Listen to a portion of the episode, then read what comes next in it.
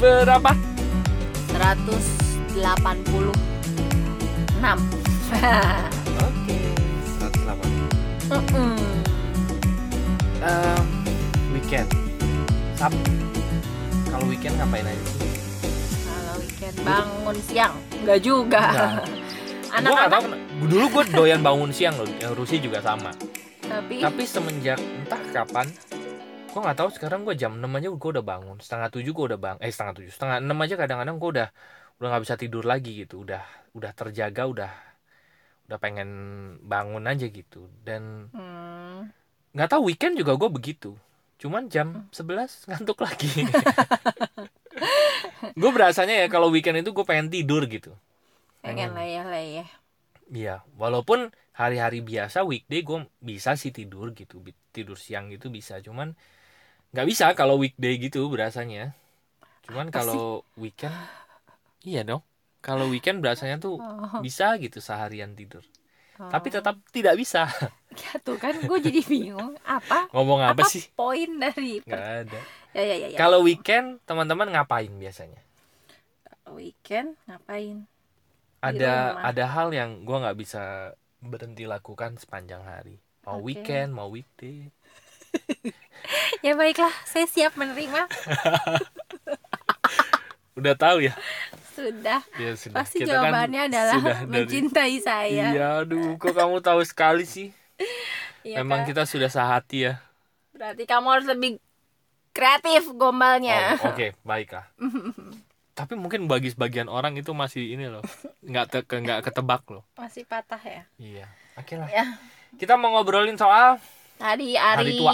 ya tadi Ari bahas Kiyosaki ke gue terus nggak tahu kenapa gue nangkepnya malah lain gitu dapat insightnya ya Ari baru semenjak apa pasif income itu nyata ya jadi kayak Ya. makin apa ke- keluar gitu ide-ide terus ilmu-ilmu zaman dulu tentang pasif income-nya flashback Iya. berdatangan kembali gitu ya yang dulu cuma sekedar kalimat Ya, betul, gitu ya betul, betul. kayaknya aduh klise tapi sekarang itu Ari memaknainya lebih dalam Iya, gue mulai mendapatkan eh, rasanya gitu. Gue ngerasa ya Hmm. bahwa ya betul kata Rusi tadi semenjak eh, gerakan pasif income itu nyata launching gitu ya diluncurkan, gue berasanya di kepala gue tuh kayak gong gitu banyak berdengung berdengung gitu ya tentang pasif income gitu yang Hmm. Mungkin gue udah lupakan bertahun-tahun walaupun gue sudah hidup dari pasif income. Jadi lucu sebetulnya ya gitu. Em, apa? Gue merasa bahwa entah ya, entah gue yang menarik diri selama bertahun-tahun ini tentang pasif income atau gaung pasif income itu mereda di Indonesia. Gue nggak tahu kayaknya sekarang itu lebih kebanyakan orang untuk menjadi kaya cepet, untuk dapet eh gua aja buat lompatan hidup gitu ya. Orang eh, apa namanya ya ya dapetin lompatan gitu ya yang signifikan dalam kehidupannya gitu. Gua nggak tahu eh, terus apalagi ya eh, bisnis online. Mungkin itu itu yang sekarang eh, bergema atau bergaung cukup kuat gitu ya di Hmm. di di Indonesia nggak tahu bahkan di dunia gitu. Nah padahal zaman-zaman tahun 2000-an gitu dengung pasif income ini cukup eh, cukup kuat gitu. Eh, kayaknya sekeliling gua juga ngobrolin soal pasif income gitu. Nah gua nggak tahu Hmm. kenapa gema itu gaung itu tuh cukup eh, mereda gitu ya cukup melambat gitu. Padahal setelah gue pikir-pikir lagi gitu ya ujung-ujungnya kita pengen punya pasif income mungkin mungkin karena sekarang dapetin uang itu jauh lebih gampang ya mungkin di era digital jauh ini lebih betul banyak cara betul betul jadi orang nggak terlalu kepikiran kalau zaman dulu kan kayaknya harus kerja kerja kantoran pun harus dari misalnya pagi sampai sore pagi sampai malam gitu Mm-mm. ya kalau bangun usaha konvensional juga nggak gampang gitu kan benar-benar harus kayaknya kerja keras modal gede Benar. gitu kan kayaknya benar-benar makin effortnya effortless banyak gitu ya. Iya, iya, nah, betul. sekarang itu dengan modal sedikit asal orang mau belajar ya dengan perkembangan dunia digital, digital Iya. itu kan banyak banget cara untuk dapetin uang yang dalam jumlah besar dalam dalam waktu yang relatif singkat, jadi dan mungkin juga dengan lebih santai gitu lebih ya santai. Iya. Nah, eh, makanya gue tadi pas Ari bilang itu, gue cuma bilang sama Ari gini, kayaknya gue tahu kenapa salah satunya em, itu ya passive income itu. Kenapa sekarang jadi lebih nggak kedengeran, Mm-mm. ya itu tadi. Karena orang udah punya cara dapetin uang lebih gampang dan hmm, banyak orang lupa. Nggak tahu lupa atau nggak tahu apa gitu ya. Tapi Hmm. nggak kepikiran bahwa someday dia akan bisa tua dan ya. nggak bisa ngapa-ngapain dan gitu. mungkin dan tidak berdaya gitu. Iya karena sekarang rasanya bisa kok semua apa-apa gampang gitu. Semua bisa gue dapetin duit banyak bisa gitu Iya. Eh, tapi ada keseimbangan kan antara memang hidup di saat ini dan mempersiapkan Merencanakan. Ya benar. merencanakan gitu dan gue malah dapet insight yang lain dari yang tadi itu iya ya kayaknya orang ngerasa sebelum- sekarang itu sebelum ke sana eh, gua sama Rusi itu inget kata-katanya Robert Kiyosaki Hmm, hmm, jadi gua tak tadi bilang sama Rusi gitu bahwa eh, iya ya eh, gua kan mulai belajar lagi gitu ya apa sih yang dulu gua eh, yang gua pelajari dan akhirnya sekarang mulai gua terapkan tapi dengan rasa gitu ya hmm, Ada satu kalimat yang menarik banget. Kiyosaki bilang begini bahwa kebanyakan orang terlalu sibuk untuk mencari uang dan lupa untuk membangun aset. Nah, kalau orang udah punya aset, nanti dia aset inilah yang menghasilkan passive income untuk dia gitu ya. Jadi tanpa terlibat lagi mereka dapat penghasilan gitu ya. Nah, eh, dulu gue pribadi menganggap aset itu sama dengan MLM. Walaupun itu benar ya, MLM itu menghasilkan passive income gue setuju gue kurang lebih 6 sampai 7 tahun ini gue dapetin passive income dari MLM dan gue sama sekali nggak sentuh jaringan gue gitu setiap bulan gue dapet duit gitu jadi bagi gue bener nggak MLM itu menghasilkan passive income bagi gue iya gue 100% setuju karena gue 7 tahun ini ngalamin tapi MLM bukan satu-satunya untuk menghasilkan passive income gitu ya ya gue balik lagi ke kalimatnya Robert Kiyosaki tadi. Iya ya, Hmm. gue di review lagi ya, bener ya. Kebanyakan orang terlalu sibuk untuk mencari uang, tapi lupa untuk membangun passive income-nya.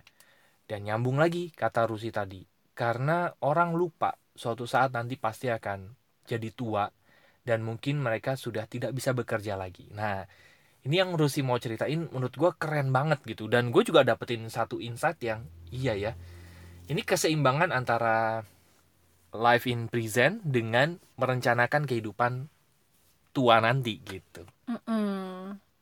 Ya, gue cuma tadi sambil ngambil piring gitu ya Hmm. ke dapur karena uh, Ari ngomong selewatan ini. Terus gue mikir kenapa ya? Karena uh, terus yang terlintas di gue adalah iya ya kalau sekarang aja kayak ngedapetin uang itu rasanya gampang banyak juga bisa gitu ya dengan effort yang ya begitu doang gitu.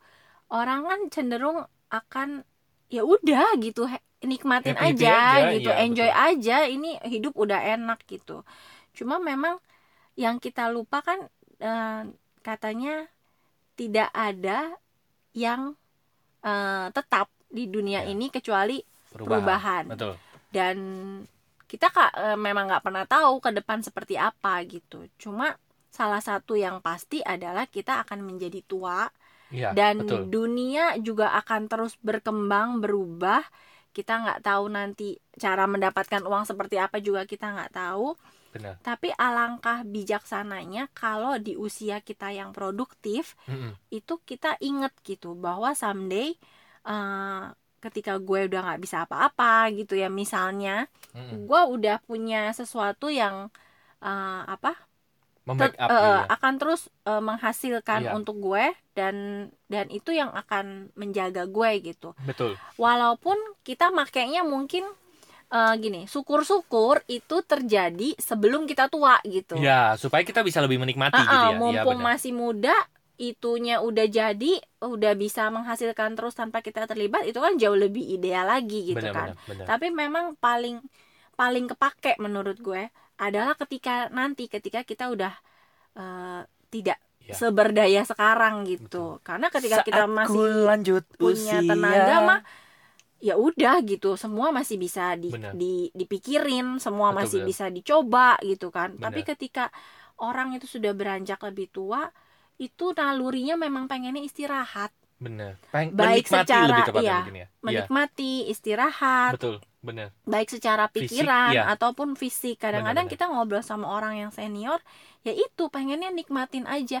Diajak mikir yang mm, Berat-berat. berat-berat. Iya. itu bukannya mereka nggak pinter atau nggak ini ya tapi memang menurut gue ya naluri orang ketika tua itu kan memang mulai melambat hidupnya iya bener lebih ya ya itu kan lebih slow down ya memang Bener. itu nalurinya gitu nah ketika nanti kita ke sana sudah ada belum gitu yang membackup gitu dan Betul. Pasif income-nya sudah jadi atau belum gitu Iya. ya. Betul betul. Karena untuk membangun pasif income itu takes time loh. Perlu waktu gitu. Jadi gua sempet ya bertahun-tahun itu terjebak untuk eh, mendapatkan uang cepat dan itu tidak salah. Gue bilang tidak salah. untuk menyelesaikan masalah-masalah masalah-masalah keuangan. keuangan kita perlu uang cepat Betul. Dan menurut gue ya, waktu terbaik untuk membangun passive income adalah saat hidup lo baik-baik saja.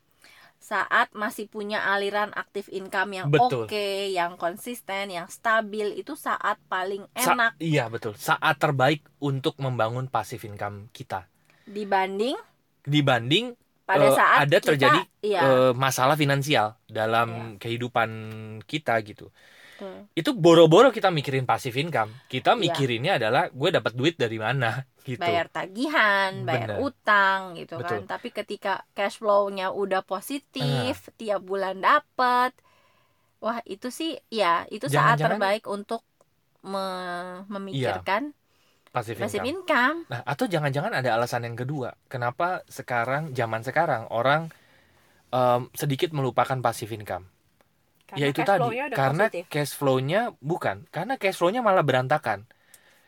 Gue nggak tahu ya, gue Oh, sering sering kan oke. sekarang orang mulai terjebak hutang, hutang kartu kredit, hutang apa pun itu gitu. Jadi gaya hidup dengan pemasukannya lebih tinggi gaya hidupnya. Gaya katanya itu gaya hidup modern gitu ya, gaya hidup konsumtif lebih tepatnya. Boro-boro mereka mikirin tentang passive income hari tua. Lawong sekarang kebutuhannya aja gue masih harus kejar-kejaran untuk bayar utang. Sebenarnya Bisa ada, jadi sih? ada banyak yang bisa dibedah ya. Karena Iya, ada banyak sisi. Kalau yang tadi di awal gua ngebayanginnya orang males eh, mikirin passive income karena ya udahlah karena ngerasa dapat duit gampang. Betul. Tapi ini ada insight lain ah, yang Ari bilang tadi benar juga gitu. Mungkin ada sebagian besar orang yang eh, hidupnya masih kejar-kejaran tadi tiap bulan betul. dan gue juga pernah ada di posisi itu dan emang iya boro-boro mikirin, Mikirin passive income, income. mikirin hari tua, mikirin apa segala macam boro-boro. gue mikirin Iya. bulan ini kebayar aja kayaknya udah udah udah bikin Wih. gue bisa napas gitu Udah kan kamsia kamsia ya. Iya benar-benar. jadi eh ya itu gitu Jadi ada dua sisi nih dan gue menarik. Gue punya mentor ya. Eh, mentor gue pernah cerita bahwa karena mentor gue di industri network marketing, eh, dia bilang bahwa network marketing itu bukan untuk mendapatkan uang cepat. Itu salah sebetulnya gitu ya. Tapi ada beberapa network marketing yang bisa lo jalanin sebagai proyek, tapi lo nggak dapetin passive income. Proyek itu maksudnya proyeknya selesai lo dapet duit banyak. Itu ada tuh tipe-tipe yang begitu. ya dan duitnya banyak loh Banyak. Jadi lo perlu perhatiin lo join network marketing itu sebagai proyek atau sebagai cara sebagai kendaraan untuk mendapatkan Membangun, passive income. ya. Itu cara membangunnya pun beda. Ya, Duanya ya, gitu. ya. Nah, kalau gue pribadi sekarang gue menjalankan network marketing dengan cara yang kedua. Memang gue menjalankan network marketing untuk dapetin passive income Hmm. gitu ya. Nah, mentor gue ini tipe yang kedua juga karena dia beliau menyadari bahwa network marketing itu untuk mendapatkan passive income. Nah, dia pernah cerita ke gue ada downline ya cerita mau pamit dia bilang "E, Pak saya pamit dan downline ini gue juga kenal gitu. Saya pamit karena cash flow keluarga saya berantakan. Mentor gue bilang apa? Lakukan Pak.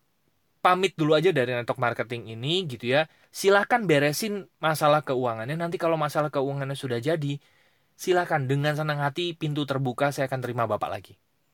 Ya. Bahkan si downline ini cerita ke gue disangonin loh, disanguin loh. disangguin duit. Karena memang itulah persahabatan di network marketing ya. Eh, ini udah lepas dari bisnis ya gitu. Gue lupa disangguinnya berapa gitu. Nah setelah masalah keuangan si downline ini selesai sekarang dia udah nggak usah nggak apa cash flow-nya udah bagus lah keluarganya Mm-mm, gitu ya.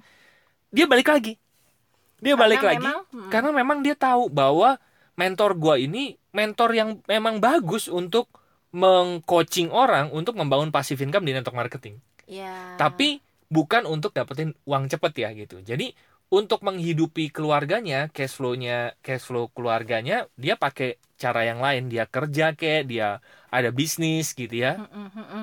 Nah tapi dia tahu bahwa bisnis ini bukan tidak bisa menghasilkan passive income. Untuk menghasilkan passive income dia salah satunya adalah dia bangun bisnis network marketingnya.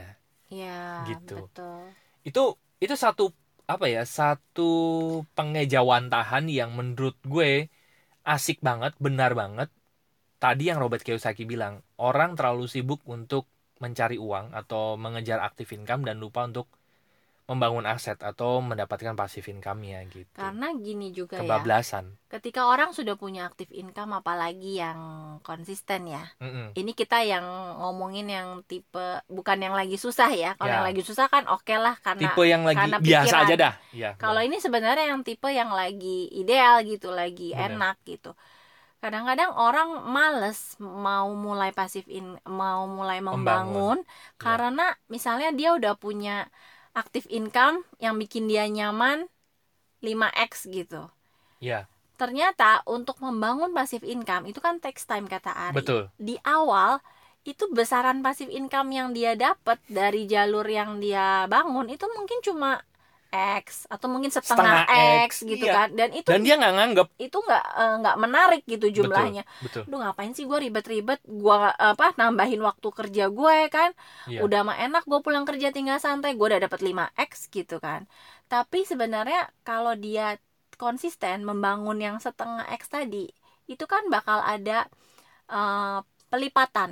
Betul dan kalau Multiplikasi ya dan Iya. kalau itu udah jadi betul. Anggaplah mungkin nggak 5x juga gitu nggak sebesar aktif income-nya. Tapi iya. kemudian dia punya pasif income yang besarnya 2x aja. Mm-mm. atau 3x betul. Tapi itu benar-benar dihasilkan tanpa dia terlibat. Someday begitu dia stop pensiun yang gitu ya. 5x Iya, nya iya, betul, betul. bisa jadi dia hidup dari yang 3x itu loh. Betul betul betul. Gitu cuma Gue memang sepakat itu. tantangan di awal karena jumlahnya akan sangat tidak menarik. Karena kan namanya juga membangun gitu kan. Betul tapi kalau membangun dengan cara yang benar itu pasif income yang potensinya bisa 10x 100x juga bisa, gitu. betul. Cuma- sama kayak membangun passive income yang mungkin paling sederhana aja gitu ya. Punya kos-kosan. Ya. punya kos-kosan itu juga takes time loh. Dan perlu modal yang cukup besar. Nih di depan rumah gue itu ada kos-kosan. Gue lupa 10 pintu 6 pintu atau berapa. Sekarang kosong loh jadi jangan dibilang juga oh gue bangun kos-kosan pasti laku enggak tuh depan rumah gue ya sebenarnya dia itu nanti baliknya soal perencanaan perencanaannya juga, juga, sih. gitu nah Ya, sama jadi sih, dan juga takes juga. time jadi pada saat kita bangun kos-kosan mungkin pada saat Nggak membangun penuh enam semua ya. bulan sepu- satu tahun lo harus bangun bangunannya dulu ya, ya kan? terus promosi juga gitu kan kan pasti ada takes time mungkin satu dua tahun baru mungkin kos-kosan lo terkenal gitu kan laku gitu baru setiap bulan lo dapat konsisten passive income Ya, itu tapi itu kan juga modalnya gede bener gitu untuk kan untuk BEP aja mungkin eh, butuh waktu berapa tahun sampai Tuh. akhirnya walaupun menang profit. tanah sih kalau ya benar nah Gitu. kalau di MLM itu kan memang karena modalnya kecil ya Benar. mungkin hasilnya di awal nggak menarik makanya iya ya kan ya, ta- ya tadi anggap lu gajinya 5x ini dari MLM ya cuma setengah x Betul. 1x gitu kayak Cuma banyak orang yang akhirnya belok atau akhirnya mereka berhenti untuk eh, membangun passive income-nya karena mereka lupa mereka menyamakan dengan active income. Ada, gue udah kerja begini-begini cuman dapat segini kata Rusi tadi gitu ya. Mereka mereka mencampur adukan konsep active income dengan passive income. Itu pola pikirnya berbeda, cara membangunnya berbeda. Makanya di gerakan passive income itu nyata empat materi pertama itu isinya cuma belief doang iya nggak benar. ngomongin hal-hal yang lain tapi gue sekarang sih makin iya ya someday kita pasti tua jadi tua meninggal itu kan sebuah kepastian kan bukan Iya. ketidakpastian kita pasti tua dan terjadi penurunan fisik terus mungkin nanti amit-amit sakit ya mungkin sakit juga pasti lah ya namanya juga kondisi fisik gitu ya. Tapi kalau misalnya kita sudah punya passive income alangkah menurut gue sih amannya hidup kita gitu. Karena tanpa terlibat lagi penghasilan itu tetap ada gitu tetap masuk dalam uh, rekening kita gitu. Mm-mm. dan juga gue cuman berpikir bahwa pada saat passive income-nya jadi gitu ya lo udah dapetin passive income yang stabil yang sesuai dengan yang lo mau dengan gaya hidup keluarga lo gitu ya. Dan suatu saat kita tua udah jadi kakek nenek kerjaannya mungkin cuman eh, nengokin cucu gitu ya tapi duitnya banyak gitu. Ya, itu kayaknya sangat menikmati sekali gitu kan. Itu membuat perbedaan juga di kita ngomong realistis saja ya. Hmm, hubungan sama anak juga pasti ngefek loh. Iya betul. Walaupun itu hal yang sensitif mungkin buat orang timur tapi itu ngefek soal duit. Mm-mm. Betul. Sepakat gue. Dan eh, dan kita pasti lebih pengen ngejalanin hubungan yang lebih enak gitu. Betul. Di mana kita tidak merasa tergantung ya. dan tidak ada yang merasa kita gantungin. Gitu. Benar. Karena Jadi- digantung itu nggak enak. Sampai kapan kau gantung cerita cintaku. Iya sih betul. Jadi gue terus terang sangat di sangat diingatkan sama kalimatnya Robert Kiyosaki tadi. Kebanyakan orang terlalu sibuk untuk mencari uang dan lupa membangun aset atau lupa membangun passive income-nya.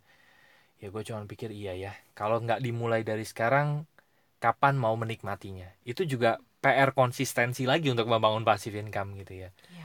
Dan gue cuma pikir bahwa semoga gerakan passive income itu nyata ini mendengungkan lagi gitu bahwa pentingnya passive income untuk kehidupan kita bahkan Hmm. tidak hanya kita tapi keluarga kita orang-orang yang yang yang kita sayangi lah gitu makanya Iya. di audio gerakan passive income itu nyata tuh ada ada ceritanya seberapa pun bes- seberapa besar pun penghasilan kita sekarang kalau kita mendapatkannya kita perlu terlibat keluarga kita masih sangat tidak aman karena kalau suatu saat terjadi apa-apa sama kita terus gimana dong keluarga kita gitu. Makanya Mm-mm. salah satu pentingnya kita punya passive income adalah karena kita tahu bahwa kita suatu saat pasti meninggal. Kita pasti tua. Itu udah pasti. Udah nggak bisa Mm-mm. ditolak-tolak lagi. Tapi yang menariknya Tuhan masih kasih kita apa namanya ya ya kesempatan pilihan gitu ya kesempatan untuk, untuk lo mau lo mau punya passive income mau mempersiapkan passive income lo nggak gitu Mm-mm, mm-mm. ya Jadi ini cuman masalah keputusan aja sih teman-teman gitu ya. Tem- eh, mulai membangun passive income atau eh, mulai menanam sekarang dan akhirnya menikmati kemudian hari gitu ya. Ya itu masalah keputusan aja. dan gara-gara yang Ari bilang tadi itu dan gue dapat sekilas oh iya ya gue lupa bahwa someday gue akan jadi tua gitu karena kebayangnya ya gue bakal gini-gini aja gitu padahal enggak kan Iya. dan itu kan eh, berlaku bukan cuma soal passive income kalau kalau kalau buat gue tapi Hmm. juga buat kayak kesehatan Betul. kadang-kadang gue pikir gue bakal seger aja kayak gini terus gitu padahal gue akan mau nggak mau akan ngerasa sakit-sakit di mana di mana di mana gitu Dan maksudnya semua pasti akan berlalu ya. kalau Iya. gue nggak nyiapin untuk ya mulai olahraga mulai Betul. jaga hidup Betul. itu kan eh, keadaannya akan beda gitu kalau kita mulai betul. membangunnya dari sekarang persis kayak Betul. yang tadi passive income gitu Betul. cuma betul. itu soal duit kalau ini soal kesehatan Betul. gitu dan Soal hubungan. soal hubungan itu juga, juga sama. gue ngerasa banyak laki-laki mungkin ya nggak tahu nih karena yang gue alamin yang gue lihat yang laki-laki ba- banyak laki-laki tuh ketika masih muda masih seger itu mereka lupa bahwa mereka akan someday akan jadi tua gitu jadi ketika waktu muda nakal sana sini gitu ya Kecuali lo pastikan bahwa diri lo immortal. Iya gitu jadi kayak ya pokoknya menyebalkan segala macam ninggalin anak istri eh ya gitu-gitu tapi lupa ketika nanti someday dia tua dan Iya. dia sudah meninggalkan apa yang sebenarnya betul-betul berarti buat dia gitu anaknya istrinya gitu kan ya someday tua gue melihat banyak orang yang kayak begitu akhirnya tuanya kesian gitu. Betul. Tuanya sendiri tuanya nggak ada yang ngerawat ada ngeraw ada yang ngerawat pun mungkin nggak sepenuh hati gitu kan. Betul.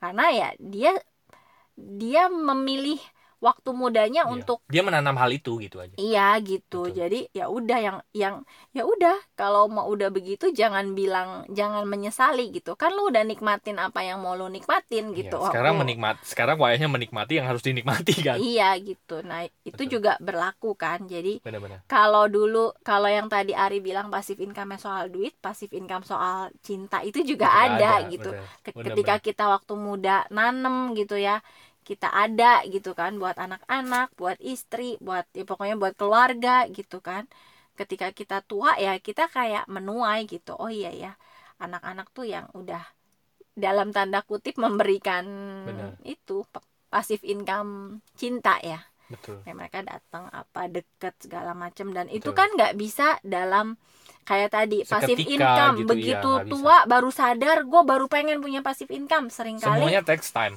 sering kali pikirannya sudah nggak nggak Nggak mau diajak dulu, iya, bekerja betul. sama gitu kan. Yang tadi udah mulai melambat. Nah soal hubungan kan juga sama. Itu juga investasi jangka panjang. Nggak bisa ketika iya ya udah tua anak-anak gue jauh karena dulu gua nggak ada. Terus baru mulai teleponin apain kan itu sudah bisa dibilang udah telat kalau malah jadi annoying gue. buat mereka Iya, Iya. karena eh, ya bukan begitu lagi wayahnya gitu. Betul. Kalau mau nanem ya dulu gitu, bukan sekarang benar-benar gitu. benar Jadi mengingatkan kalau Ari tadi ngomongnya pasif income, gue malah dapet insight soal menjadi tua gitu. iya betul Ternyata oh iya ya. karena itu sebuah kepastian Makanya di podcast beberapa waktu yang lalu gua bilang ya bahwa ingat bagi cowok ya bagi suami cowok gue selalu ingat bahwa lo kita perlu ingat kita akan pulang ke mana someday pada saat kita tua gitu.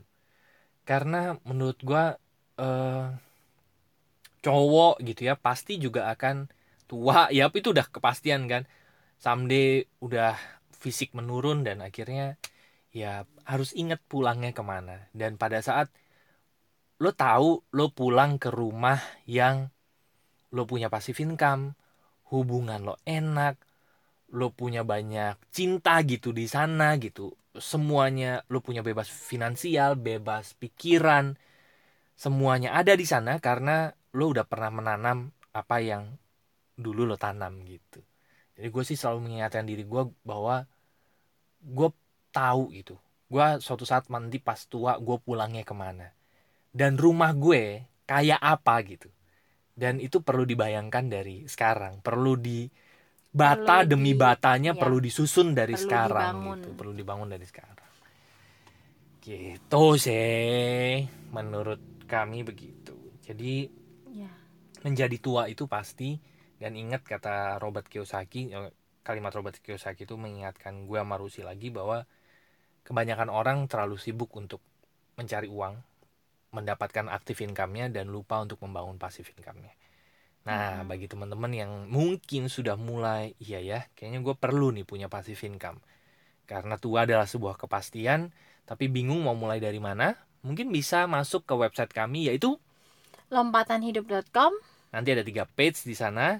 Ada home, counseling dan event dan ada bisnis bagi teman-teman yang mau dapetin pengetahuan awal mungkin tentang passive income masuk aja ke Oh, yang bisnis. iya. boleh silahkan gitu ya. Atau mau bisnis bareng kami nah nanti hasilnya juga mendapatkan passive income silahkan masuk ke kolom bisnis. Oh iya, batch 2 pasif income itu nyata. Senin besok. Ya, tinggal dua hari lagi. ya Itu pas banget kalau ada yang mau ikut. silahkan langsung masuk aja ke website kami lompatan.com nanti ada klik tombol WA nya di sana nanti kita bisa ngobrol via WA oke? Terima kasih sudah mendengarkan episode 186 Semoga bermanfaat dan sampai jumpa di episode berikutnya. Thank you, bye bye. Bye bye, see you.